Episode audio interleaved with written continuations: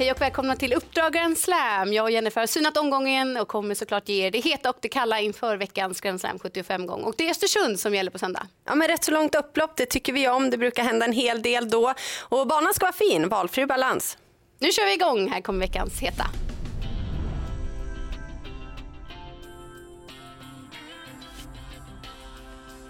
Robert Berg är het för dagen. Han har inlett året starkt. Han har ju toppform på båda stallen. Ja, han är över hela Sverige. Han har ju gård i Göteborg, gård i Sundsvall och nu tar han resan till Östersund och han är ju lite av en nyckeltränare. Det är han. Och vi kollade läget med Robert Berg i veckan om hans chanser inför söndagen. Han låter mest uppåt på nummer 6 Aroshi i den första avdelningen. Och hästen har en spännande uppgift framför sig. Han bytte gård inför senaste starten och då levererade han en stark insats direkt och fick segerdefilera.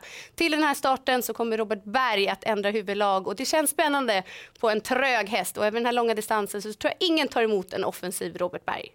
Och I den andra avdelningen där har Guldtopp ett eh, fint läge från spår 1 bakom bilen. Han är van att möta bra motstånd, van att eh, slå bra motstånd. Och Det som är hett den här gången det är att han eh, debuterar för Öystein Tjomsland. Han är lite av en kallblodskung och har fina 25 i segerprocent. Och går vi till den tredje avdelningen så har jag fastnat för nummer 10, Magic from Hill, som var riktigt bra som trea i sin årsdebut. Hon kommer vara vassare med loppet i kroppen och det ser ut som att det blir körning där framme och då borde det lösa sig fint från bakspåret. Den fjärde avdelningen det är ett fint snabblopp där vi kommer få se en norske Noble Superb göra en spännande debut hos Anna Näslund. Ja, han har nyligen kommit hem från Frankrike där han har gjort fem bra lopp utan att få vinna.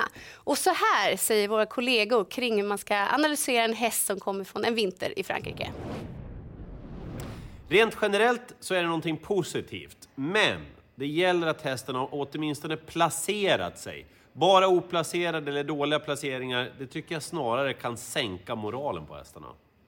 Jag ser det som någonting positivt, särskilt om hästen har tävlat bra eller åtminstone helt okej. Okay. Då har den härdats och förmodligen har bättre kondition än när den åkte från Sverige. Ja, det beror helt och hållet på individen, det vill säga hästen själv. Prata, lyssna, läs om vad tränaren har att säga, tycker jag i alla fall. Men det är klart att de kan vara härdade också. Jag kan tycka att det är två intressanta ting var för sig. Dels med hårdheten man skaffar sig på fransk mark, men även miljöombytet i form av ny regi. Ja, vi får höra med Anna Näslund om statusen på söndag när det närmar sig. För man skulle gärna vilja sätta ett formbesked innan man vågar tro på Nobel Superb fullt ut. Ja, man skulle ju det. Men en som tror på sin häst trots årsdebut det är Daniel Wäjersten med sin fina nummer 6 Esprit Sisu. Wäjerstens fina stallform den håller i sig och Esprit Sisu han är ju stark och rejäl och van att möta riktigt tufft motstånd såsom Very Kronos och gänget. Och går vi till den femte avdelningen så får vi se nummer fyra, Fax Odin NO gör spännande debut för Stian Eilefsen. Hästen har ju otroliga fartresurser för klassen. Han var nära att utmana favoriten Hauk Viktor senast trots flera galopper längs vägen. Felfritt, ja då blir det väldigt spännande att se hur långt han räcker. Ja det skulle vara så roligt att se honom trava. Han kanske gör det i nya regin. Ja vi får hoppas. Går vi till den sjätte avdelningen så tror jag i alla fall att nummer åtta, Barivad, han travar. Han kom inte riktigt in i loppet senast så glöm det. Men han har ju visat fin form och svarat för starka prestationer innan dess och jag tror att han är med på målfotot denna gång. Och så spar vi det bästa till sist. Emilia Leon åker upp och kör en häst och är i den sjunde avdelningen nummer åtta Skejetrym som kommer med tre raka segrar. Jag pratade med Emilia Leo, han känns riktigt stabil för dagen. Han är startsnabb, hon kommer ju såklart ladda framåt. Men skulle hon hamna utvändigt ledare så tror hon på bra chans ändå. För det har funnits mycket krafter kvar vid segrarna och han har tränat riktigt starkt inför det här. Det var vår heta omgången. Här kommer veckans Kalla.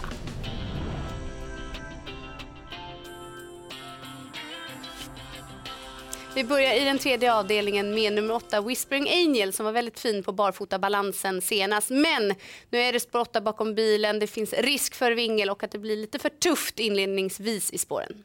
I den fjärde avdelningen där startar hedershästen tre Queerfish som var fin i comebacken men han trivs bäst med jämnt och hårt tempo under vägen och det brukar inte bli det när det är så här små fält. Och går vi till avslutningen så vet vi att spår 1 är inte alltid optimalt för alla hästar. Nej, nummer ett sålde Höjdens drake har ju visat startsamhet men senast han testade bilen, ja då blev det ju galopp direkt. Dessutom så är det ju årsdebut och visserligen har han blivit ett år äldre men han är ändå bara fyra år. Dags att eh, avrunda programmet och vi har ju pratat en hel del om hästar som gör debut i ny regi. Ja, vi har det. Det brukar ju vara intressant. Och mest intressant det tycker jag ändå är i den andra avdelningen med ett guldtopp. Löper han upp till sekundande, ja då blir han farlig. Och jag vill lyfta fram nummer 10, Magic from Hill i den tredje avdelningen. Det ska bli spännande att se henne med lopp i kroppen. Och som vi sa tidigare, det ska vara valfri balans på söndag, men vädret kan ju ändras så det är bra att hålla koll på det den här årstiden. Stort lycka till med Grand Slam 75.